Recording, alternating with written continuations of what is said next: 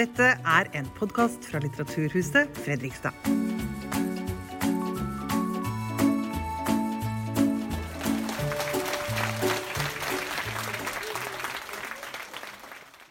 Ja, kjære alle sammen. Hjertelig velkommen hit til eh, Litteraturhuset Fredrikstad. Eh, Jeg heter Roy Konradi Andersen og jeg er daglig leder her på huset. Og Denne uka så er vi jo endelig i gang for alvor med en travel og morsom høst med over 60 arrangementer. Eller faktisk 110-120 hvis vi regner med alle barnearrangementene. Og det skal vi jo. Så det går slag og slag eh, framover nå. Eh, Denne uka så er det jo arrangementer, hver dag. Og noen ganger flere ganger om dagen også. Eh, Så sjekk nettsiden vår, litthusfred.no, for å se alt som skjer. Og så er det jo åpent på huset og ikke minst på takterrassen utover kvelden. For der oppe så er det bokslipp med Jan Erik Fjell akkurat nå. Og ute i Joker Bar holder vi også åpent utover kvelden. Og så er det som er litt, som er litt nytt i, er at, eller i høst, er at hvis dere er sultne, så skal dere vite at dere, alle som har gyldig billett til Litteraturhuset Fredrikstad, får nå 20% rabatt på mat nede på delikatessen hele den høsten her. Så da vet dere det. Nå skal vi tilbake i tid. Vi skal bli kjent med en uh, omstridt skikkelse, nemlig Wilhelm Reich. Og grunnen til det er at Håvard Friis Nilsen, som, eh, som jobber som professor i samfunnsfag ved Høgskolen i Østfold, har skrevet en eh, bejublet bok om nettopp Reich. Den heter 'Du må ikke sove'. Og så Jeg må nesten få lov til å sitere den strålende anmeldelsen som boka fikk i Aftenposten. Sitat, 'Du må ikke sove' er, en, er kort sagt et vidtfavnende verk som fungerer både i bredden og i dybden. Det gir inntrykk i både psykoanalysen etter Freud, Weimar-republikkens politiske kaos, norsk mellomkrigslitteratur og åndsliv samt nazismens fremvekst under Hitler. I tillegg får vi kyndige nedslag i Freuds, Reich og en rekke andre skrifter og teorier. Og som det står i siste setning, du må ikke sove, holder et internasjonalt nivå.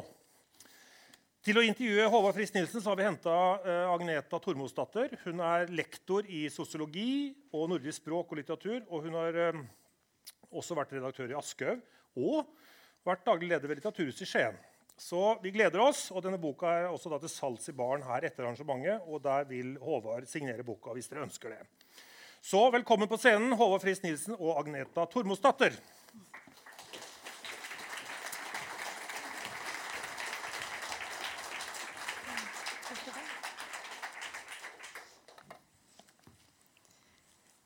Ja. Hjertelig velkommen, Håvard. Takk skal du ha. Dette har jeg gleda meg skikkelig til. Det må jeg si. Det er jo sånn at eh, noen oppdrag man får, er eh, mer spennende enn andre. og dette er helt tydelig et eh, prosjekt og en bok som jeg har hatt enorm glede av å lese. Det må jeg bare si. Eh, Så hyggelig å høre. ja, og det er jo Altså, nå leste jo Roy eh, noe fra en anmeldelse i Aftenposten. Men jeg må jo si at det er jo et helt enormt kildemateriale her. Det er mange fantastiske bilder. Det er en, et driv her. Altså, det, er en, det er nesten som å lese en spenningsroman. Du kan nesten ikke legge den fra deg. Du er nødt til å liksom lese videre og videre. Eh, og så, så jeg tenker jo litt sånn at det er nok flere grunner til at uh, boka di har slått sånn uh, an akkurat nå. Altså, jeg tror selvfølgelig fordi den er veldig godt skrevet. Men jeg tror også at kanskje det har noe med tida vår nå. Jeg har også Kan- følelsen av det. Ja, Jeg har veldig følelsen av den har truffet det, at eh, det er en klangbunn i samtiden vår ja. som, som gjør at eh, dette treffer noe akkurat nå. Kan du si litt om det? Fordi altså, Vi skal jo tilbake i tid. Mm. ikke sant? Fra ca. 20-tallet, 1920 og så til 40 Ja. Det, det er jo flere ting, da. Det, er, det, er, på en måte, det handler om en, en Det er et slags gruppeportrett mer enn en biografi om en person. Og den gruppen hadde en del ting felles, og det var bl.a. at de uh, var unge under den første verdenskrigen. Eh, Reich var soldat og senere offiser i løpet av, av krigen. Men, men de var eh, De hadde gjennomgått en fæl krig, og det var, de hadde gjennomgått sant, uro. Og så var det stabilitet, og så ble det uro igjen. Eh, og den uroen kjenner vi jo på nå. Ja. Så det er det ene. Og, og det andre er at eh, det sto en artikkel i New York Times for omtrent halvannen måned siden, tror jeg, eh, om en voldsom internasjonal fornyet interesse for psykoanalysen. Og da jeg begynte, så var altså psykoanalysen det var i hvert fall passé og, og uinteressant. Eh, for vi hadde jo moderne medikamenter, og, og, og, og nå har vi på en måte hatt noen tiår med medikamenter og psykofarmaka og effektive uh, behandlinger som på en måte kanskje ikke helt har innfridd de opprinnelige store forhåpningene, sånn at man begynner å se litt tilbake med at det er nysgjerrighet på hva dette var. På, og på samtaleterapien igjen, tenker jeg. At det er også et, et element her. Um, men ja, eh, krig, økonomisk usikkerhet, eh, framvekst av eh, ekstreme politiske grupperinger. Eh, og så da en generasjon som var intellektuell, og som prøvde å kaste seg inn i, i Gå inn i sin tid da, og prøve å forbedre ting. Og, og mange skuffelser og fæle opplevelser, men uh, også dramatisk og spennende materiale. Og det er jo sånn at uh, mange snakker jo om at vi lever i en veldig sånn polarisert tid nå. ikke sant? Og mye av dette stoffet du skriver om òg, er jo i, høy, eh, i aller største grad polarisert. sant? I, og i den ytterste konsekvens også med krigene som eh, er til stede her. Jeg tenkte på en ting til også, og det er jo det at um, Da jeg så overskriften for arrangementet i dag, så var det noe sånn som 'Hippier, fri sex og energi'. Og da skvatt jeg litt. For jeg følte ikke at det var det jeg hadde skrevet en bok om, egentlig. Men jeg, jeg, jeg tenkte er det noen hippier i boka her? Er kanskje, jeg nevner vel John Lennon kanskje en gang. Men, uh, men det sier noe om Reichs omdømme, og det ble ødelagt. Og det ble ødelagt i Norge først, og senere også i USA. Men det var jo ikke bare fordi altså, En del av årsaken ligger i ham selv, det skal vi ikke underslå. Men det er ikke alt. Altså, hvis noen får ødelagt omdømme, så handler det alltid delvis om personen selv. Men her er det aktivt, aktiv innsats for å ødelegge omdømmet hans. Det er mange som ønsker å, å undergrave det. Så det er en slags sånn politisk konstruksjonsprosess. Og det er også noe som er litt aktuelt i dag med sosiale medier. og sånt. Mange erfarer at plutselig så kan det bli sånne stormer. Det er jo en storm, det blir en mediestorm rundt han. Og det vet jeg nå en, altså Vi vet om flere som har gjennomgått det. Altså Østfolding Ari Behn gikk jo gjennom dette. Ja, ja, absolutt. Mm. Um, og, så det er et, uh, et aspekt.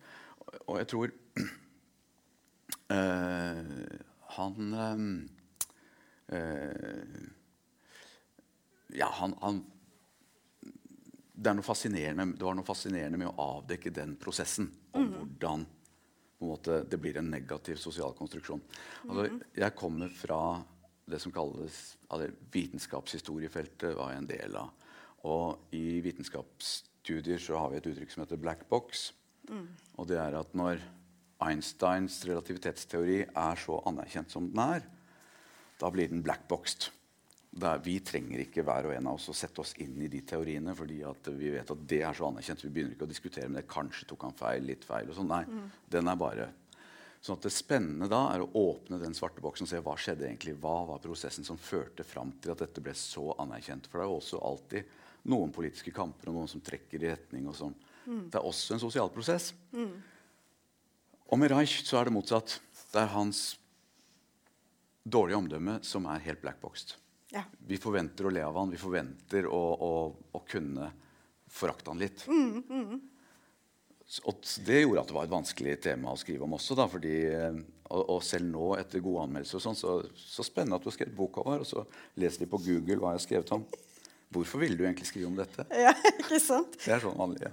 Ja, og det er jo litt eh, egentlig fint du sier det her, fordi jeg tenker jo at eh, Ja, man kan google seg til mye rart om eh, Reich. Han, Og det meste da er eh, eh, rykter, ikke sant? Det er ikke nødvendigvis sant heller. Det er ryktebasert, og det er eh, tatt ut av sammenheng, og Ja. det er eh, eh, fremstilt på, på, på lattervekkende måter. Ja, ja. Bare for å ta det, Hvorfor skrev jeg egentlig om, om, jeg egentlig om han? Ja. Jeg ante ikke hvem han var, men begynte å skrive om Jeg var del av en historikergruppe som skrev om Universitetet i Oslo. Mm. Og jeg skulle skrive om psykologifaget og vår første professor i psykologi, Harald Mm. Schjelderup. Og det er han som inviterer Reich til Norge. Og da jeg begynte å skrive om Schjelderup, ante jeg ikke hvem Wilhelm Reich var. Og så mm, begynner jeg å lese med han og tenker å gud, hvordan kunne de invitere han? Og tenkte dette ser jo helt vilt ut. Men det, da var jeg på det overflatenivået som, som vi alle finner når vi går til Google. Og sånn. Og så kom jeg dypere og så tenkte jeg, i all verden, det er jo en mye større fortelling her. Her er det jo virkelig dramatikk og rundt Freud selv. Og, ja, så da begynte det å bli gøy igjen. da. Ja, og da liksom åpner du opp eh, for Altså med nysgjerrighet Mm. og respekt.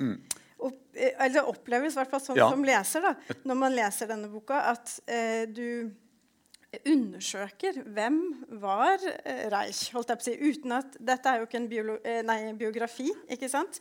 Det, det har du sagt. Ja, jeg er enig i at det er mer gruppeportrett. ja. Ja. Og, og når jeg nølte litt med da du sa med respekt, så var det fordi at det opprin, opprinnelig Ja. hadde jeg ikke nødvendigvis mye respekt. For, ikke for psykoanalysen heller. Nei. Så jeg var kritisk til psykoanalysen. Mm. Og var preget av også på en måte, alt det negative rundt det også. Mm. Så det var spennende å dykke ned og oppdage at veldig mange av mine eh, eh, antakelser stemte ikke i det hele tatt. Mm. Nei. Jeg måtte lese Freud på nytt. og liksom, Mm. Åpnet jo hele dette feltet av mellomkrigstiden seg da med Sigurd Hoel og Ja. Arnulf Øverland og Harald Schjelderup og Nick Wall og Ja. Hele gjengen. Ja. Ja. Vi skal komme litt tilbake til det. Men jeg tenker, at det, jeg tenker at det ikke er noe motsetningsforhold mellom å være kritisk til noen og få, klare å portrettere noen på en respektfull måte. Da. For det syns jeg jo du har klart her. Nei, det var absolutt det som var målsettingen. Ja, ja, ja. Fordi eh, det er jo utrolig mye spennende stoff da, du har funnet fram til eh, og samla i denne boka her. Og, eh, og det må jo også ha vært noe veldig spesielt med denne fyren. Altså, han må jo ha vært en karakter. Altså en som ehm, hva skal jeg si, som, som på en måte hadde en sterk eh, karismatisk appell på mange. da, Fordi han, han når jo på en måte, han får liksom hjelp av noen viktige personer hele veien. Han liksom baner seg vei fra ganske tidlig. da. Jeg vet ikke helt, skal vi, eh, For å prøve å finne ut litt nå hvem Reich er i, i dette her, så, så tenkte jeg kanskje vi skal begynne der hvor han møter Freud Ja, første gang, jeg kanskje? tror det kan vi godt gjøre. Han møter Freud som medisinstudent. Og da har han eh, altså vært fire år stridende soldat og offiser i den Han går gradene da fra meningssoldat til å bli eh, løytnant og kompanileder eh, og slåss ved den italienske fronten. Og er virkelig ved fæle skyttergravsopplevelser. Men kommer til Wien etter at krigen er over og begynner å studere medisin. og Da er han foreldreløs og fattig, og Wien er i økonomisk krise. Så også Freud er helt avhengig av eh, hjelp for å overleve. Freud får tilsendt pasienter fra Ernest Jones i England, som betaler i engelske pund.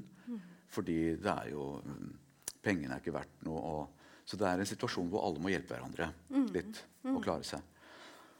Og Reich har ikke engang penger til, eh, til pene klær på universitetet, men eh, de, han går i uniform, som veldig mange krigshelter gjorde. da. Så gå i uniform på universitetet, da ble man møtt med respekt. Og, og man fikk også et kortere studieløp i en del sammenhenger. Men han kommer til Freud, og da eh, er Freud blitt verdensberømt. Det er han. Men, eh, men psykoanalysen er fremdeles i, i, i veldig vekst. Altså det, er et, det er etter første verdenskrig det virkelig tar av. Mm. Interessen for psykoanalysen tar av etter første verdenskrig fordi, annet fordi krigen var så fæl at man skjønte at alle de som hadde sagt at ja, vi er kommet til et høyt sivilisasjonsnivå, og dette er bare krigen som skal stoppe alle kriger, og vi er egentlig ferdig med dette, og så blir det verre enn noen har forestilt seg.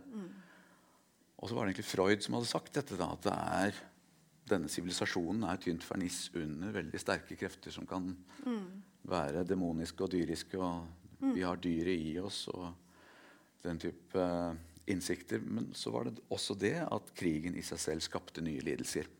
Fordi folk kom tilbake fra fronten med såkalt skjellsjokk. At de kunne plutselig Helt normale menn som eh, hadde reist ut som, som vanlige menn, kommer tilbake og er rare. Hører de tekjelen på kjøkkenet, så løper de under bordet og gjemmer seg eller under en seng. Hører de en skoleklokke, så blir de vettskremte og hyler og skriker. og det er mareritt. Så, så, man lærte jo da at psykiske lidelser kan komme av erfaringer. Mm. Ikke bare genetikk, som man trodde da. Ja. Og det fører i hvert fall i sum til en veldig tilstrømning til Wien fra mange ulike land. Og Reich, uh, den Reich Freud ser, er jo da en ung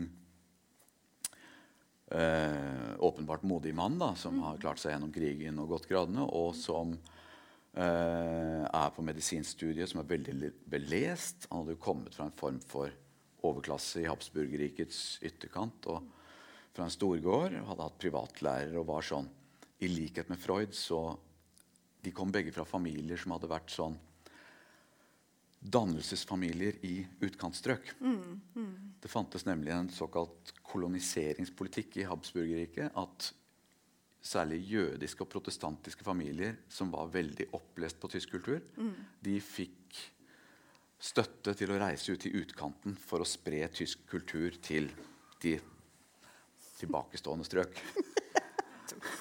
Ja. ja. Men det var sånn det var ansett. ikke sant? Ja, ja, så, så, så, Freud kjente igjen dette. Mm. Og de var, de, disse familiene det var ikke på en måte de østjødiske i det hele tatt. Mange amerikanere har trodd det. Mm. Men det, det er en måte sånn dannelsesfamilier som da kjenner Er vilt begeistret for Goethe og for den tyske keiser og alt sammen. Mm. Og Schiller og kan. Mm. Og er da veldig skoleflinke. Så det var en sånn bonding. Ja. Uh, og, og, da blir han tatt under Freuds vinger i en alder av um, eh, 23 år. Mm. Og um, blir medlem av Den psykoanalytiske forening bare to år senere. Mm. Med et foredrag om Ibsens Per Gynt. Mm. Og var som et frampek da, at han skulle komme til Norge etter det der. Men Freud var også veldig begeistret for Ibsen. Da, så, ja. um, og så sender Freud ham pasienter for at han skal klare seg. Mm. Så det var også noe Freud gjorde. at Når han hadde unge elever, så, si, så, så sendte han dem pasienter så de kunne både få erfaring og, og um, klare seg økonomisk. Mm. Og dette Forholdet mellom eh, Freud og Reich på dette tidspunktet er jo varmt og kan man egentlig Eller kan man si at uh, Freud blir på en måte en slags sånn farsskikkelse uh, i, i, den foreldreløse ja, Reichs liv? det tror jeg absolutt det var det ja. Reich ønsket og, ja. og, og, på en måte følte. Mm. Og, og, lenge er det sånn. Ja. Så han får jo reise og besøke Freud på sommersteder i Semmering mm. i Alpene. og Kjenner hele familien og på en måte blir, blir vevd inn i dette. og og så er han eh, Og det var også overraskende for meg da jeg fant ut da, Han blir en av de ledende teoretikerne i sin generasjon. Mm. Så han er jo Freud etablerer en egen bokserie som heter uh, 'Skriftserie for medisinsk psykoanalyse'. Mm. Og Reich er den første i sin generasjon som, som skriver der. Mm. Uh, og Anna Freud, som er datteren til uh, Freud, Eh, Reich og Anna for å bli medlemmer samme år. Mm. Omtrent samtidig. Og hun er førskolelærer, har ikke høyere utdannelse, så hun må da være barneanalytiker. Mm. Så hun får liksom ikke ha voksne pasienter. Mm. Og mens uh, Reich er lege og på en måte hyppig bidragsyter i tidsskriftet, han gjør anmeldelser, han skriver nye artikler, teoretiske ting. Ernest Jones i England er begeistret for dette og får det oversatt til engelsk. Mm. Så han, er, han, gjør en veldig rask karriere og har en stigende stjerne. Han blir leder for det såkalte tekniske seminaret som han er leder av i seks år. Mm. Og det er altså eh, Da er han ansvarlig for all teknisk utdannelse av nye psykoanalytikere. Mm. Han lærer dem teknikk. da. Og så blir han nestleder av eh, den psykoanalytiske klinikken i Wien, hvor lederen er Edvard Hitchman, som blir analytiker for Harald Schjelderup, vår første professor i psykologi. Og det er der de første gang møtes, i 1925. Ja. Og så Men eh, eh, skal ikke, jeg, vi skal snart slippe det, denne, denne relasjonen til Freud foreløpig, og, og, Anna Freud. Men eh, Anna Freud var jo Vi kan jo si at hun var ganske sjalu eh, på, på Reich. Eller? Ja, det fascinerende er jo at hun er sjalu fra hun er en liten jente. Ja. Så sjalusien hennes var et problem i familien. Ja. Og alle gikk jo gjennom sånne egenanalyser hvor de måtte jobbe med sine ting. Og for Anna Freud er det sjalusien Ja. det jobbes med. Eh, ble analysert av sin egen far, da. Som seg hør. Som seg hør og bør, ja. Um, og um, Nei, det er, det er tydelig hun, hun er åpen om det at hun er veldig sjalu på alle som står mellom henne og faren. Er det så Altså, eh, det kommer jo på et punkt her hvor eh, Freud eh, går i bresjen for, eller bestemmer, at man ikke trenger å ha en embetseksamen for å bli psykoanalytiker. Trenger ikke å være lege. Nei, hun trenger ikke være lege. Ja, Ok, lege, Ja. ja. Og, og da når du skrev det, så tenkte jeg med en gang Er det egentlig bare for å gi Anna Freud muligheten? liksom? I, baner han vei for dattera si? Har hun vært så sjalu og plagsom at, at han liksom var nødt til å, å Og så bladde du om til neste side, så Ja. fikk du det bekreftet. Jeg fikk det bekreftet. Men jeg tenkte, det er jo ikke sikkert alle har lest det. Men jeg synes bare det var, det ble, var så utrolig Det er, det er veldig mange som mener det, og jeg tror nok det er en, en ganske trygg påstand. Ja. At når Freud sier at uh, man trenger ikke å være lege for å være psykoanalytiker Nei. eh, Vi har mange dyktige folk som ikke er leger.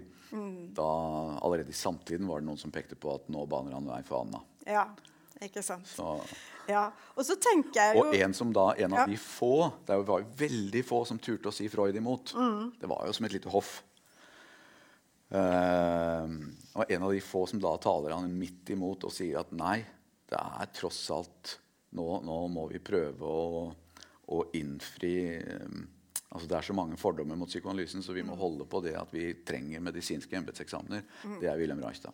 Ja. Så han var jo Ja, ikke sant? Og derifra igjen så liksom, Nå koker det litt. Nå, nå begynner det å i hvert fall Ulme. ja, ikke sant? Fordi veien nå videre går jo til at Anna Freud får ekskludert eh, Ikke aleine, men eh, går i bresjen Før å vi kommer dit, det er mange mange ja, okay. trinn på vei. Men, Jo, jeg vet, men jeg tenkte vi skulle snakke om bare- litt ja, annet, men jeg men- bare, ja, nettopp. Men jeg, bare, jeg har lyst til å si at det, Wilhelm Reichs første bok da, Ja. ta det, er jo fascinerende fordi uh, den er ofte oversett. Den heter 'Den impulsive karakter'.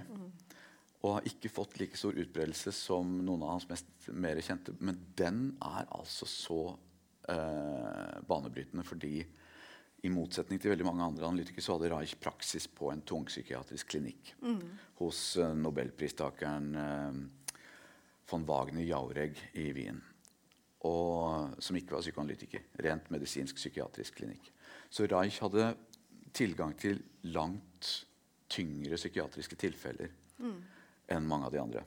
Og Freud var vilt begeistret for denne boken. Og sender han et signert portrett og sier dette, dette manuskriptet kan trykkes umiddelbart. Det er, og, og det er virkelig en fascinerende studie, for det er sannsynligvis den første studien av det vi kaller borderline-tilfeller i, i dagens psykiatri. Og det er tolkninger av borderline-tilfellene som er Det er nesten som å lese eh, detektivromaner. Da. Så det er noe jeg tenker Burde man oversette noe nytt, så er det den. Altså. Men, Ja, ja. så, men, men ja, den, så, så han er jo en utrolig fascinerende skribent også på den tiden. Og det er noe Harald Schjelderup ser, fordi Schjelderup var veldig opptatt Han er jo psykologiprofessor, og psykoanalysen er eh, ikke så anerkjent. Så han, ser, han er talentspeider og ser etter hvem er det i dette feltet som oppfyller de vitenskapelige krav, og som på en måte leverer arbeider av høyt nivå. Og det mente han å finne i Reich. da. Ja. Men så blir etter hvert Reich ekskludert fra Psykoanalyseforeningen. Ja, det skjer jo da det fordi spenningene i samfunnet blir verre og verre. Og det han og mange da i Wien erfarer i 1927, mm. 15. juli 1927, det er um, altså eh, hva man ennå har store minnesteiner om den dagen i Wien. Fordi uh, det ble en oppstand. Det var altså tre fascister som hadde skutt mot en sosialdemokratisk demonstrasjon. Og drept et lite barn og en krigsveteran i rullestol. Og folk fikk jo sjokk at liksom noen bare kunne skyte inn og drepe uskyldige invalide og barn. Denne dagen ble de attentatmennene stilt for retten og frikjent. Og da var det som en bryter ble skrudd på i hele byen. Så folk bare gikk ut spontant i demonstrasjon og gikk til Justispalasset, som de mente hadde frikjent disse her, da, og satte fyr på det. Det var en slags revolusjonær tilstand og bare et raseri og folkelig mobilisering. Og Reich var ute på gatene. Han var jo da lege med skreddersydde dresser og øh, hushjelp hjemme og stor leilighet og egen bil og alt mulig. Så han var ikke noen sånn radikal på det tidspunktet. Men det, erfaringen av å se hva som skjedde For da kom politiet inn og begynner å skyte i folkemengden. Og um, ca. 100 blir skutt og drept. Og da føler han at politikken, den politiske situasjonen, er så farlig at uh, han blir polarisert, rett og slett, som vi ville sagt i dag. Da. At Ja. han, han går til kommunistpartiet og mener at vi trenger eh, den internasjonale kommunistiske bevegelsen er det som eneste som kan være sterkt nok til å demme opp for fascismen, slik han så det da. Og da verver han seg til kommunistene og eh, med det engasjement og den aktive energien som han da hadde vist i, i faglig sammenheng. Og det, det var ikke Freud så begeistret for. Nei. Fordi plutselig så reiser han til Sovjetunionen og holder foredrag ved Moskvas vitenskapsakademi om psykoanalyse. Og dette blir skrevet referat av og sendt i et sånt offisielt organ fra, fra Moskva. Og så um, er han plutselig da blitt en slags offisiell talsmann for psykoanalysen i Sovjetunionen. Dette syns Freud begynte å bli farlig, fordi han mente at uh, hvis psykoanalysen skal angripes, så skal den angripes fordi det er psykoanalyse, ikke fordi det har noe med Sovjetunionen å gjøre. Nei. Det ble rett og slett eh, problematisk at det ble en kobling mellom politikk og vitenskap her, da. Eller Ja. Ja. Men det er jo ikke lett, fordi i den generasjonen følger jo nesten alle den, eh, den veien der i, i, i dette miljøet. Det er jo ikke bare Reich, det er Erik Fromm, og i Norge er det jo Nick Wahl og Sigurd Hoel også, i en periode. Arnulf Øverland. Så det er jo en generasjon, den som har opplevd verdenskrigen, da, som absolutt ikke vil tilbake til noen sånn autoritære, eller ha noen sånn autoritær politikk. Og mm, så spenningene er veldig økende. Mens eh, Reich må etter hvert flytte. Ikke sant? Han, eh, det, han kan ikke bli værende lenger her i dette landskapet hvor eh, Nei, han flytter til Berlin, og der møter han jo nordmennene. Ja.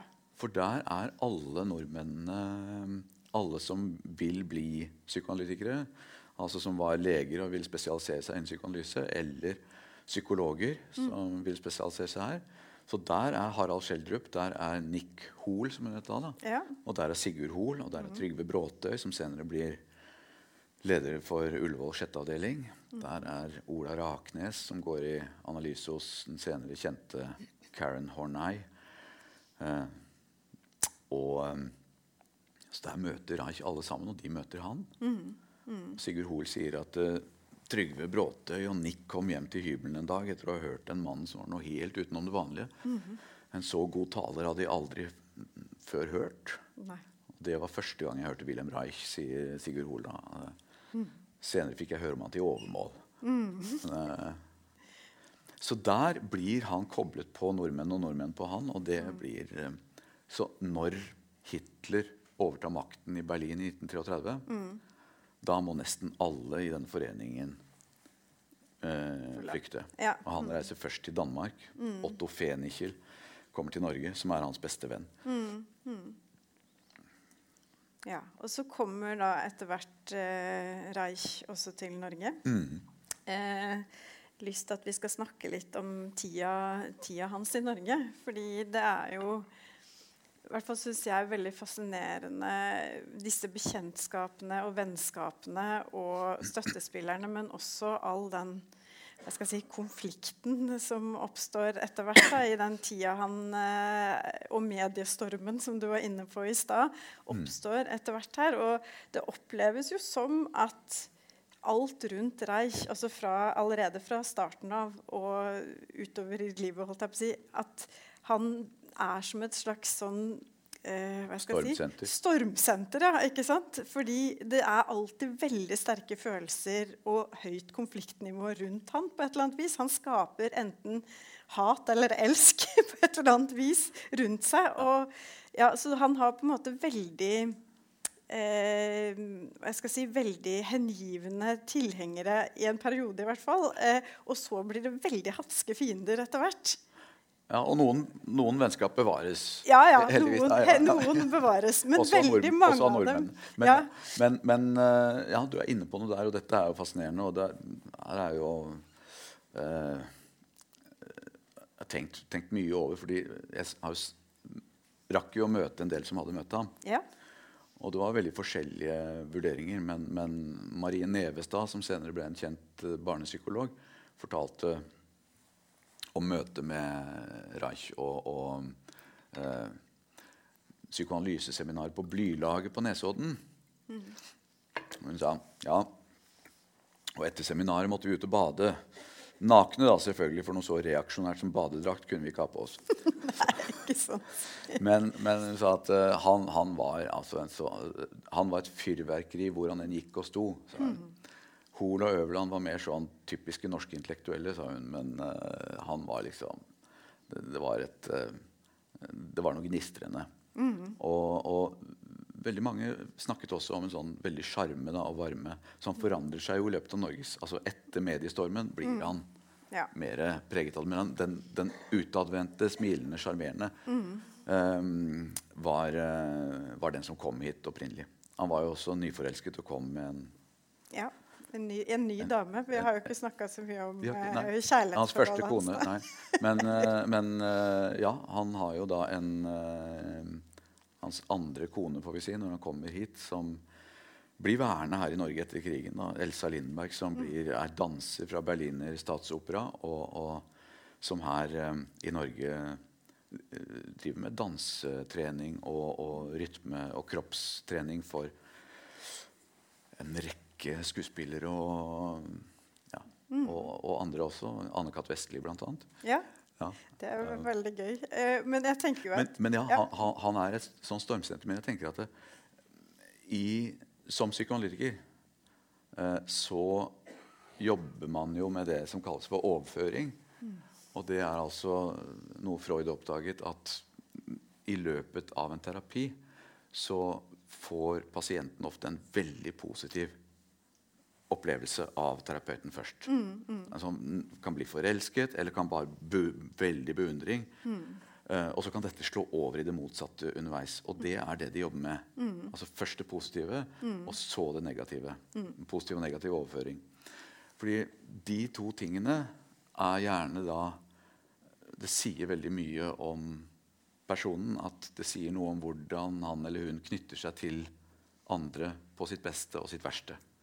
Og det har gjerne da med konfliktmateriale fra egne foreldre eller omsorgspersoner eller personer i barndommen å gjøre, som kan skape mønstre i tilknytning som, som da havner i bestemte spor. Sånn at, eh, og det er det de jobber med. Og Reich var kjent for å være veldig god på det der. Og det sa Harald Schjelderup også. Han var genial i å starte en analyse. Så han fikk kom i kontakt med følelsene til pasienten veldig fort. Klarte å etablere kontakt. Han sa også at det var det, var det han mente var kjennetegnet på psykisk helse eller sunnhet. Det var evnen til kontakt med andre. Altså Hadde du evnen til å mm, være åpen og ærlig og naturlig selv og møte andre med sånn åpenhet, og da få kontakt og etablere vennskap, sånn, det er grunnlag for helse. da. Ja. Så det at han jobbet med dette her, kan du kanskje Han var den tenk, han jobba med. Ja! Jeg tror kanskje Han- han glemte å skru av jobben. Ja, ikke sant? Ja, det er jo sikkert eh, Det er en interessant eh, teori, i hvert fall, Ja. at, eh, at det kan henge sammen sånn. Og så er det jo, når du snakker om dette med psykoanalysen og det som måtte til for et sunt liv, så var jo også Reich opptatt av orgasmen og denne rytmen eh, i som en slags sånn livskraft. Eh, for, ja. Ja, jeg var jo veldig overrasket da jeg begynte å lese Freud, for jeg trodde jeg visste hva Freud handlet om. Og så Ja. var jeg overrasket over hvor mye som handlet om seksualitet. Ja.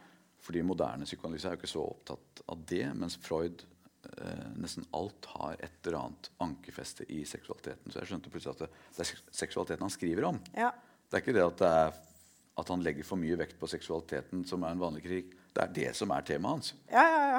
Og da blir jo bildet et annet. Ja. jeg bare smiler litt nå, for jeg tenkte, tenkte alle hadde lest 'Drømmetydning' eller noe sånt når de var i sånn slutten av tenåra av Freud. Ja. Fordi den er jo veldig sånn at Alle drømmer har jo bunner jo mer eller mindre i et eller annet seksuelt. Jeg husker i hvert fall sjøl jeg var veldig fascinert av den jeg var sånn 19-20 år. Ja, det, ja, det, ja, det rare er at den er kanskje der er, de- Den kom i flere forskjellige utgaver. så der kom dette med, med disse seksualsymbolene. Det kom Mm. Ja. Mm. først. Det var så utbredt.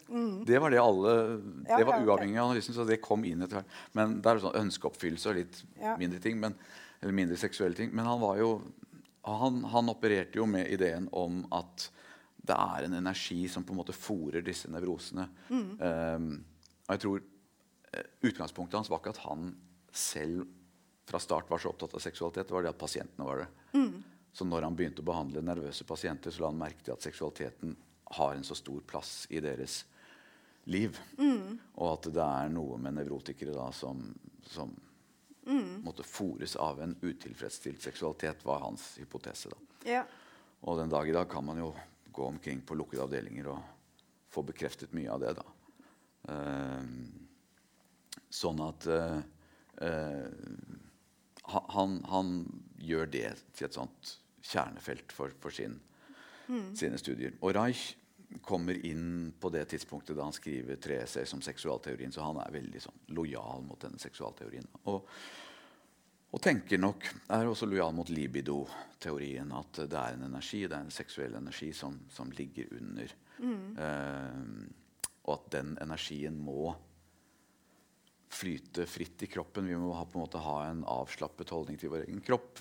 Hvis vi blokkerer og sperrer av og prøver å trykke ned eh, drifter, så vil det så vil det komme ut i andre former, og kanskje komme ut i voldelige former. Eller, Så han mente jo at eh, menn som begikk voldtekt og sånn, var ofte menn som hadde voldtektsfantasier, som er typisk sånn noe han så på som veldig alvorlig, da, det, det var folk som prøvde å blokkere, og kanskje selv prøvde utad å være veldig puritanske. Eh, på andre måter. Så, eller som hadde vært utsatt for seksuelle overgrep i barndommen. sånn. mm. Men når han kommer til Norge, da, så får han jo eh, altså, Så går på en måte tankene hans videre, eller eh, tesene hans videre, eller hva skal jeg si. Han får ideer om å bevege seg videre i dette landskapet. Da, og finne, altså Fra psy psykoanalysen som sådan. Eller han er jo i psykoanalysen, men at han prøver å knytte seg til noen som han kan eh, undersøke de der eh, Skal vi se, nå sto det helt stille hva det het for noe igjen. Den eh, med de eh, eh, godeste Elektrodermatologisk responsitivitet. Ja, altså- Ja, du kan si, du kan si han, han kom jo til Norge, og Harald Schjelderup er eh, professor og leder Mm. for Psykologisk institutt og, og, og også av Filosofisk institutt. Og, så da får han forelese på Universitetet i Oslo da, til Mm. mye kontrovers. Og eh, opprinnelig da fra nazistisk hold. Um, men han og Schjelderup har jo et prosjekt sammen, og det er at de skal prøve å gjøre psykoanalysen vitenskapelig og få den bekreftet. Og da opererer de med dette med energinivåer. Eh, og man hadde jo da funnet ut, begynt med dette her med eh, hud, hudmålinger. Måling av elektrisitet på hudoverflaten. Og det hadde psykologer jobbet mye med. Blant annet så hadde jo både Max Wertheimer i Berlin og Carl Gustav Jung eh, jobbet med denne eh, måling av assosiasjonstest, som førte til senere løgndetektor. Ja. Ikke sant? Når du måler ja, hvor var du fredag ettermiddag? Og jeg var hjemme. Nei. Masse og reaksjoner. Så, og- Ja, mm. Eh, så, så det var liksom innenfor psykologens domene. Og Reich hadde en hypotese om at eh, normale mennesker som er utadvendte og som har en grei relasjon til andre, de er da veldig forskjellige fra schizofrene, som man finner på lukteavdelingen, som er veldig sånn, trukket inn i seg selv, og som bare har liksom helt dødt blikk. og litt sånn. Reich mente at dette var reelt, at de hadde en slags sånn innadvendt energistrøm. At hele, også kroppen, var rettet mot sentrum og ikke ut.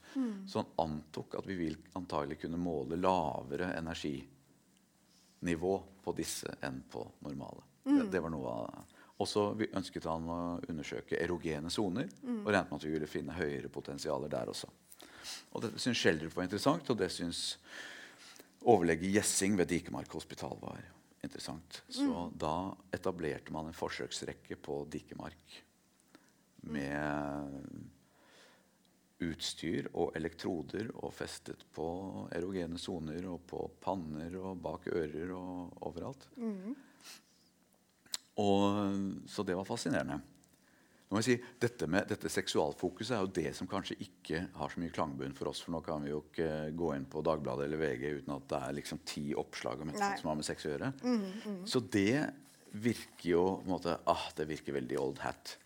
Men for denne generasjonen var det selvfølgelig de hadde vokst opp med mye uh, mye tabuer og mye på en måte mye at ting skulle feies under teppet og ikke snakkes om, og, og, og mye moralske påbud som de ønsket å fri seg fra. Da. Eh, og det andre er jo at selv i dag så er jo noen av holdningene i dette miljøet til hva seksualitet skulle være Jeg tror Hvis både Reich og Schjelderup og, og Nick Wall hadde sett seksualiteten i avisen i dag, så ville de reagert negativt. Fordi um, det er en så utvendig holdning. Det handler alltid bare, bare om én person. Slik kan du få bedre orgasmer, ser du i VG. ikke sant? Og, og så er det gjerne eh, Dette er den nye VR-brillen. Det, det er sånne tekniske ting som egentlig er litt sånn individualistiske, mens de var opptatt av nettopp dette med evnen til å få kontakt med andre, evnen til å knytte bånd og være hengiven. Være andreorientert, ikke selvorientert. Ja. Det er en viktig forskjell. Absolutt. Men det ble jo det ble bråk av dette. Her kommer det Ja, det dette. en av disse konfliktene. Vil du si litt kort om det før vi skal snakke litt? Jeg vil jo gjerne at vi kommer liksom inn på Sigurd Hoel og altså, Ja, jeg ser på klokka. Vi Ja. å det, det, Hvor skal vi gå? Jeg, skal vi Vi kan godt eh, Vi kan godt gå til Sigurd Hoel, kanskje. Vil du, vil du det? Vi kan, gå- mm, nå har du begynt med disse hudeksperimentene. Ja, ja. um, Jeg vet, jeg vet. Uh, kan jo si kort at eh, han møter da Han møter jo da fagfolk som har veldig teknisk orientert kompetanse, og som ikke har noen respekt for hans teorier. Nei. Og som ser på dem med stor skepsis. Og så blir det en rivalisering fordi at han kommer jo utenfra med teorier og har foreslått dette prosjektet, så han regner med at han er leder av prosjektet. Og han er ikke vant til å ikke være leder. Det er jo en av de tingene som gjør at det blir kontroverser rundt han hele tiden. Han er Ja. hele tiden vant Han er vant til myndigheten han hadde nærmest i, under krigen. Så han vil alltid være leder der han er. ja.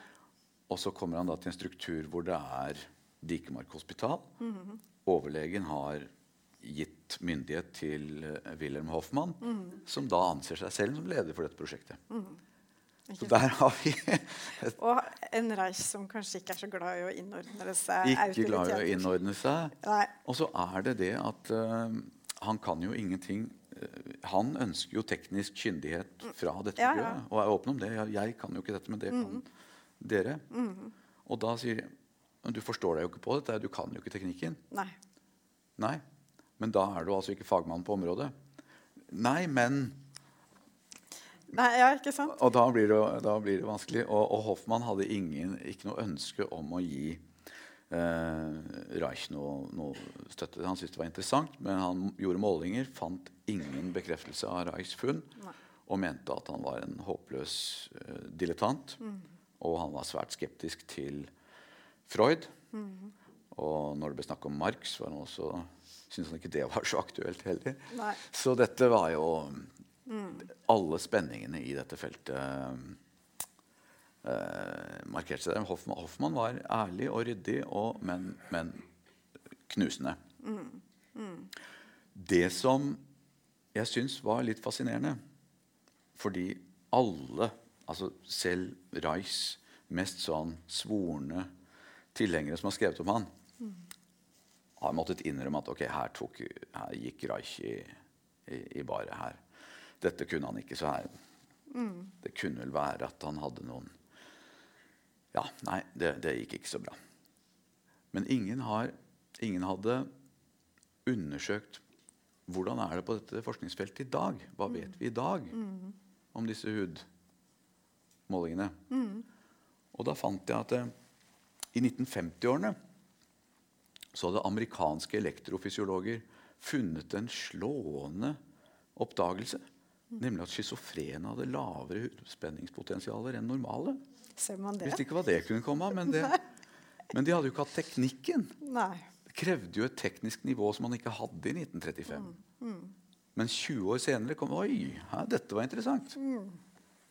Det syns jeg var fascinerende. Det betyr ikke at alt Reich påsto i den sammenheng, var, var eh, klokt. Ikke sant? Neida, neida. Han var en veldig dynamisk kraft. Kastet ut ideer og, og, og baller. Og noen landet, og noen ikke. Men dette syns jeg var en fascinerende. For det, det er en spennende hypotese, og Gjessing og Schjelderup var interesserte. Men det er denne hypotesen som ødelegger omdømmet hans i Norge. Ja. Det er faktisk denne diskusjonen. Derfor synes jeg det er viktig at det er fint at du tar opp for det. Det er ikke orgon energi, uh, men det er, det er faktisk debatten om dette som er det mest knusende. Og der fikk han faktisk rett. Ja, ikke sant? Så. Tenk deg det. Det er jo altså Ja. Det er jo på en måte både trist og eh, Men samtidig, det var kanskje ikke så mye annet å gjøre akkurat der og da. da. Altså sånn, han, Cut your losses. Ja, Nei, ja, ikke sant. Det er noe med det. Men han hadde jo et, eh, et eh, liv som psykoanalytiker, holdt jeg på å si, i, eh, i Norge. Mm. Og fikk jo langvarige vennskap eh, ut av det, holdt jeg på å si, av eh, mennesker han hadde i analyse. Og Sigurd Hoel er jo Ja. en av dem, og, og, og, og var vel kanskje hans nærmeste venn i, i norgesårene. Og som jo skriver to romaner mot slutten av sitt liv som har Reich som forelegger. Altså 'Arvestålet' og 'Trollringen'. Eh, Hvor Reich eh, rett og slett opptrer som, opptrer som eh, en uh, karakter. bonde på 1800-tallet i Telemark. Ja. Ja. Eller i Nord-Odalen, faktisk. Det, ja. ja, ikke sant? Og jeg kjenner jo at jeg, jeg får lyst til å lese Holen da, etter å ha lest Ja, ja, de er helt fantastiske, de der. De er kjempegode, de romanene der. Altså. Men ja. eh, Og Hol gikk i analyse hos Reich. Og det blir jo um, både Hol og Schjelderup. Og begge var veldig fornøyde. Uh, men um, eh, Hoel er jo så opplest på psykoanalysen, så, så, for han er jo gift med, med Nick, som er psykoanalytiker, så han kan jo mye av dette. Så han syns det er veldig morsomt å vise hvor mye han kan da, når Ja. han skal gå i den analysen. Han er liksom flink i analyse. Ja. Så hver gang han har drømt etter han, så kommer han selv raskt med teorier. Ja. Dette er antagelig undertrykt farsat. Og Reich syns dette er utrolig irriterende. Ja. Da er jo ikke han noen autoriteten plutselig. Nei, Han føler at han sånn- undergraver med sin Så, så han skriver da en, en kasusstudie av Hoel som heter eh, eh, 'Intellektualitet som forsvar'. Og det er noe psykologer nå er ganske opptatt av. Så det, er, det er mange som gjør det av pasienter. ikke sant? Så, Ja. så det er senere blitt et sånt kjent fenomen. Men jeg tror det er første gang noen skrev om det intellektualitet som forsvar, med Ho- Hoel som kasus. da. Ja, ja, ja. Så, og så Reich bestemte seg for å si ingenting. Nei. Og det frustrerte Hoel enormt. da. Så, så Hoel sier ja, dette er kanskje fars hatt. taushet. Stillhet. Og så helt stille, og så, og så blir han mer og mer fortvilet. Og så kommer det da eh, Plutselig en dag får Reich en, en, en, en sånn assosiasjon, en innskytelse. Man sier at det, du minner meg om en slu rev eller gaupe, sier han. Og det traff noe i Hol som fikk opp barndomsminner han hadde glemt. Mye handler jo om å, å komme i kontakt med egne følelser. Og Hol slapp å være i kontakt med egne følelser ved å bare nevne drømmer og bare tolke dem selv. Men der, det var et sånt vendepunkt. Fordi han hadde da han var liten, brukket armen og stygt brudd. Og masse blod og splinter ut av uh, albuen og måtte opereres. Og den operasjonen var smertefull og ikke vellykket, så han måtte brekke opp og opereres igjen. Og faren, på vei til operasjonsbordet, så hadde faren båret han forbi en butikk hvor det var et utstoppet, en utstoppet rev i vinduet. Og han hadde lagt merke til den reven. Og så hadde han tenkt på at den vonde armen minnet han om det han hadde hørt om rever som gikk i en revesaks. Og som da kunne blø i hjel. Og, og hvor armen aldri ble bra igjen. Og armen til Ol ble aldri bra igjen. Han kunne ikke rette den ut. Han ble ikke noe god i gym. og sånn. Men den reven satte seg, og når han kom til operasjonsbordet, så tok de på han kloroformmaske for at han skulle bedøves. Og da tenkte han det er jo et revefjes jeg får her. Så da ble det reven. Så han Reich treffer blink med ordet rev, som bare setter i gang masse emosjoner i Hol. Og da skjønner han ah, dette er jo ikke bare, dette er ikke bare en intellektuell syssel. Det ubevisste er virkelig. Jeg hadde glemt det, men det er der. Ja. Og så begynner de å nøste i dette her, og så skjønner de at han har jo anlagt en slags revestrategi. Han finner alltid utveier. Han vil ikke forplikte seg. Og det er det han, som er hans store problem. Både for kvinner og i arbeidsliv. Han vil ikke forplikte seg. Han, vil, han har commitment anxiety. Og, og, og, og det er det de jobber med. Og fra da av så jobber de sammen veldig aktivt. Og både Hoel selv og ektefellen Nick var veldig fornøyde. Da, for det, det var liksom, de kom til kjernen eh, i noen problemer. Og en ting jeg ikke vet om Hoel innrømmet for eh, Reich Jeg vet at han ikke innrømmet det for sin kone. Var jo at han hadde fått et barn utenfor ekteskap i studietiden. Og da følte han at han satt i saksa. Ja. Og så reiste kvinnen han hadde fått barn med, til eh, København og adopterte bort barnet. Så han hadde en datter i København som først bodde på barnehjem. Helt forferdelig. Eh, så han skammet seg over det. Og det er noe han kommer tilbake til i bøkene sine. Og han pisker seg selv for det der. der. Og, og um, han får etter hvert kontakt med datteren sin helt mot slutten av livet. Men det var, sånn varig, det var plagsomt for han, og, han, og det hadde med det samme å gjøre at han ville smyge seg unna, luske seg unna. Ikke bli fanget. Eh, ville være forfatter, ville ikke bli fanget i ekteskap. Hadde ikke noe inntekter. Så, så dette, den analysen gjør noe med Hoel. Og hvis man leser forfatterskapet hans fram til det og etterpå, så skjer det jo noe veldig grunnleggende. Bøkene er mye mer fulle av altså Mye mer i kontakt med følelsene. Mm. Så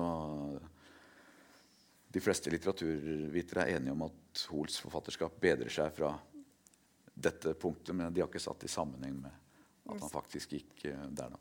Nei. Det er jo interessant. Ja. Nå ser jeg Håvard, at tida begynner å renne ut for oss. Og det er jo så mye stoff her som jeg så gjerne skulle snakka med deg om. Så jeg tror at vi på slutten nå snakker litt om tittelen på boka di. Ja. Og li kommer litt grann inn på Øverland Ja. Også. ja. Eh, for den heter jo 'Du må ikke sove'. Mm. Og de fleste kjenner jo kanskje det fra De fleste kjenner det diktet. Eh, Hvorfor heter boka di det? Kan du jo, fordi at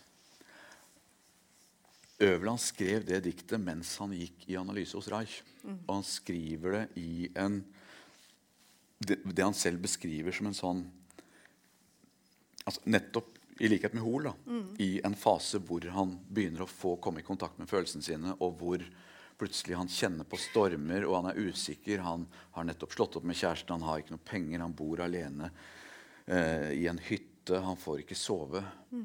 Eh, han plages av liksom, alt materialet som han bearbeider. Han har først gått til analyse hos Otto Fenichel og så hos Wilhelm Reich. Og så våkner han da grytidlig i firetiden en morgen og bare det summer i ørene. 'Du må ikke sove, du må ikke sove'. Og det diktet bare strømmer ut av han og er det første diktet eh, i Europa som snakker om konsentrasjonsleirer. Og Reich var jo vilt begeistret for det diktet. Men jeg synes at det fanger noe av egentlig hva hele boka handler om. Denne generasjonen som blir fanget i det farlige spennet i mellomkrigstiden. Eh, og, og at det, det, fanger noe av hva jeg syns kanskje var Reichs viktigste rolle i Norge på den tiden. Nemlig å vekke til uh, Prøve å vekke folk i forhold til alvoret som Hitler-Tyskland representerte. Uh, og vi ser jo at veldig mange i kretsen rundt han ble aktive i motstandsbevegelsen. Inkludert Øverland. da. Og det, og det andre er at diktet faktisk er et slags forsvar for psykoanalysen mot Nordahl Grieg. Nordahl Grieg hadde angrepet psykoanalysen for å være pseudoradikalisme. og Analytikeren kan våkne opp en dag og oppdage at genitaliene er revet vekk av fascistens bomber. skrev han i sitt tidsskrift. Og da svarer egentlig Øverland med dette diktet, fordi at uh, det, er jo en, det er en slags drømmetydning. da. Det er jo en som drømmer, som får denne appellen om at han må ikke sove. Og så er det at Freud mente jo at uh, man måtte eh, At analysen skulle, skulle hjelpe til å gjøre en i stand til å konfrontere sine egne eh, sine egne problemer, konfrontere realitetene som de er. Konfrontere verden som den er. Altså bli bedre eh, skikket til å konfrontere verden. Altså, sånn real, realitetsprinsippet hans. Og det mener jeg det, det ligger under Øverlands dikt også. Så, så da, da det slo meg at boka kunne hete det, så tenkte jeg ja, det, er, eh, Ja. det vil passe. ja, ikke sant? Og så kommer jo krigen. Ikke sant? Og øve. Ja, og da forlater vi jo Reich litt, for da Ja. fokuserer jeg på nordmennene i, i, under krigen. Harald Schjelderup blir leder for motstandsbevegelsen på universitetet. Nick Wold organiserer fluktruter og er en av de sentrale i en av de kanskje den viktigste redningsaksjonen for jøder under annen verdenskrig. Eh, redningen av det jødiske barnehjemmet. Hvor hun da kjører skytteltrafikk med sin bil eh, om natten. Og mm, Trygve Bråtøy er i motstandsbevegelsen. Sigurd Hoel. eh, ja, de, de kaster seg inn i dette her. Eh, det var jo tre kvinnelige psykoanalytikere som fulgte eh, de jødiske barna over til Sverige. Så um, Og alle overlevde. alle de overlevde, ja. Ja. Mm. Så det var jo en voldsom bragde der. ja. Ja. Eh, og så mm, Nick ble jo eh, æret posthumt i Israel og sånn. Altså. Men eh, eh, Ja, og så er det jo Øverland havner i konsentrasjonsleir. da. Og det er også fascinerende, for det, et av diktene hans der er jo nesten like berømt som diktet 'Du må ikke sove', nemlig Jul i Sachsenhausen. ja. Har du lyst til å lese det? Ja, jeg kan lese det. Ja. Skal vi se. Jeg leser vel kanskje jeg kan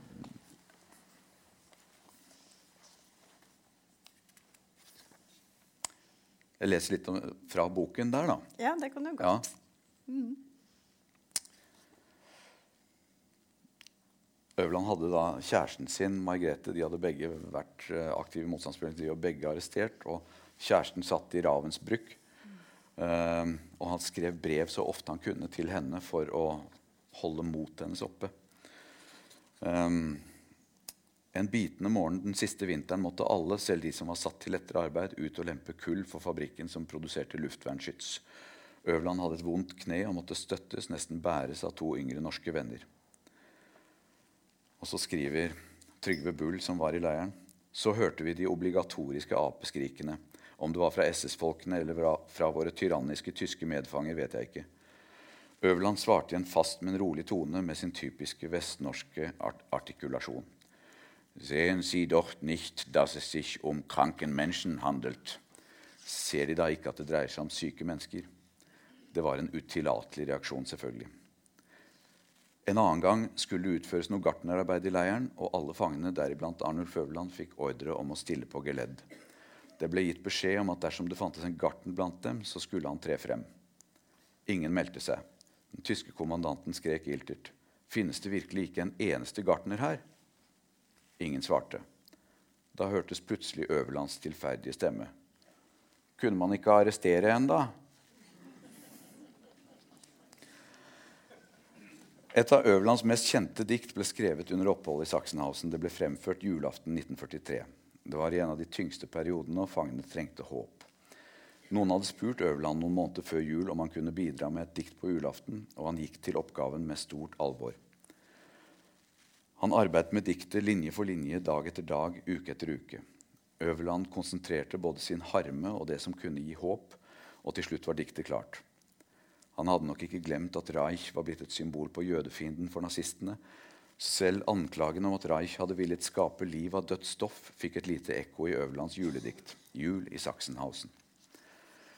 Et juletre er tent på galgebakken. Vi sitter benket ved vår suppeskål og dufter stille av den sure kål, og har det hyggelig her i barakken. Vi feirer dagen da en mann ble født, som bar så underlige frihetsdrømme. Han ville vekke liv der alt var dødt. Han ville fri fra fremmed herredømme og egne landsmenns fariserklasse, en voldtatt våpenløs og rådløs masse. Han ville rense tempelet for svik og fjerne skillet mellom arm og rik og fri fra slavedom sitt folk og land, den altfor drømmerike unge mann. Øverland tegnet opp et bilde av Jesus som ung mann med frihetslengsel og mot til å gå imot tidens makthavere. Folket satt i babylonisk fangenskap. Merkelig nok var det lignende tider fremdeles. Fangene kjente til det totale folkedrap og ønsket om å gjøre all verdens folk til treller. År strømmer hen, årtusener forbi. Her sitter vi.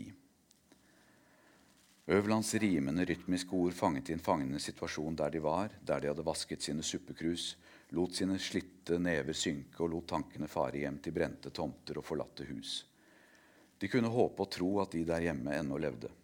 Et og annet brev kom kanskje frem. Selv disse vonde år måtte en gang ha en ende. Iblant kunne en fange bli løslatt, men inn kom en hundretall i flokk. Når blir det nok? Fangene satt tause og lyttet. Foreløpig hadde Øverland beskrevet, men hvor ville han så vende budskapet? Hvordan skulle han kunne samle deres vonde følelser, deres erfaringer av gasskammer og krematorieovner, og hvordan skulle han forene hatet og ønsket om hevn med julens budskap? Øverland samlet trådene i en magisk avslutning av diktet. Der går en vei til frihet, skorstenspipen. Det er et hverdagsblad av vår historie. En allfarvei revier og krematorie. Men det skal hevnes, hørte vi fra noen. Da kom det fra en mann fra Telavågen, fra en av dem som hadde mistet sine sønner. Det falt så stille, men det ga et sjokk. Hva skal vel eg med hevn? Og mannen stønner. Nei, med fra Televåg hev fenge nok. I den lille bygda Telavåg på Sotra var to gestapister skutt av motstandsmenn. Som represalie arresterte tyskerne alle menn i bygda og sendte dem i konsentrasjonsleir. og 30.4.1942 ble hvert eneste hus i bygda plyndret og brent. Havnen og alle brønner ble sprengt, og kvinner og barn sendt vekk. Kan vi tenke slik, da blir det fred. Men vil du slukke ild med hatets flamme, da får du ennå en gang se det samme. Slekt efter slekt skal stille på geledd til marsj i mørket og mot ukjent sted. De skyldige, dem kan du ikke ramme, ved å la barn og kvinner trampe ned. Det kommer for meg noe jeg fikk høre. Som Martin sa, det første jeg skal gjøre, det er å sette opp igjen en stue. selv om den ikke blir så grom og stor. Men det er greit å vite hvor en bor. Og godt å sitte på sin egen tue, på denne bakken ned mot havn og brygge. Der vil jeg bo, den stuen vil jeg bygge. Det tennes vinduer i vårblekk kveld, det skinner i den nye låveveggen. Nede i bekkefaret dufter heggen, og lien lysner under sneblå fjell. Men neste gang vi hører dyreskriket og motorbrølet fra en fremmed hær, da kjenner vi dem, vet vi hvem de er, og vi skal møte dem og ikke vike. Ukrenkelig er Norges land og rike. Forsamlingen hadde sittet i andektighet, ordene hadde grepet, samlet, løftet, nå brøt applausen løs. En fange fra de andre brakkene gikk fram gjennom publikum rundt dikteren. Arnulf, du må komme til oss også, du må lese diktet ditt for oss alle. Denne julekvelden 1943 ble Arnulf Øverland leid fra brakke til brakke der norske fanger var, og leste julediktet. Han var fysisk sterkt svekket, men åndsevnen var det ikke noe å si på. Tusen hjertelig takk for at du leste. Og jeg tror vi må avrunde nå, så tusen hjertelig Det takk. er nesten julaften, ja. Det er nesten julaften, uff a meg. Men viktige ord, tenker jeg, Mm. også i vår tid. Så eh, tusen hjertelig takk for din kunnskap og formidling og hyggelig samtale. Takk skal du ha. Takk for at jeg fikk komme. Takk til publikum. Takk. Du har hørt en podkast fra Litteraturhuset Fredrikstad.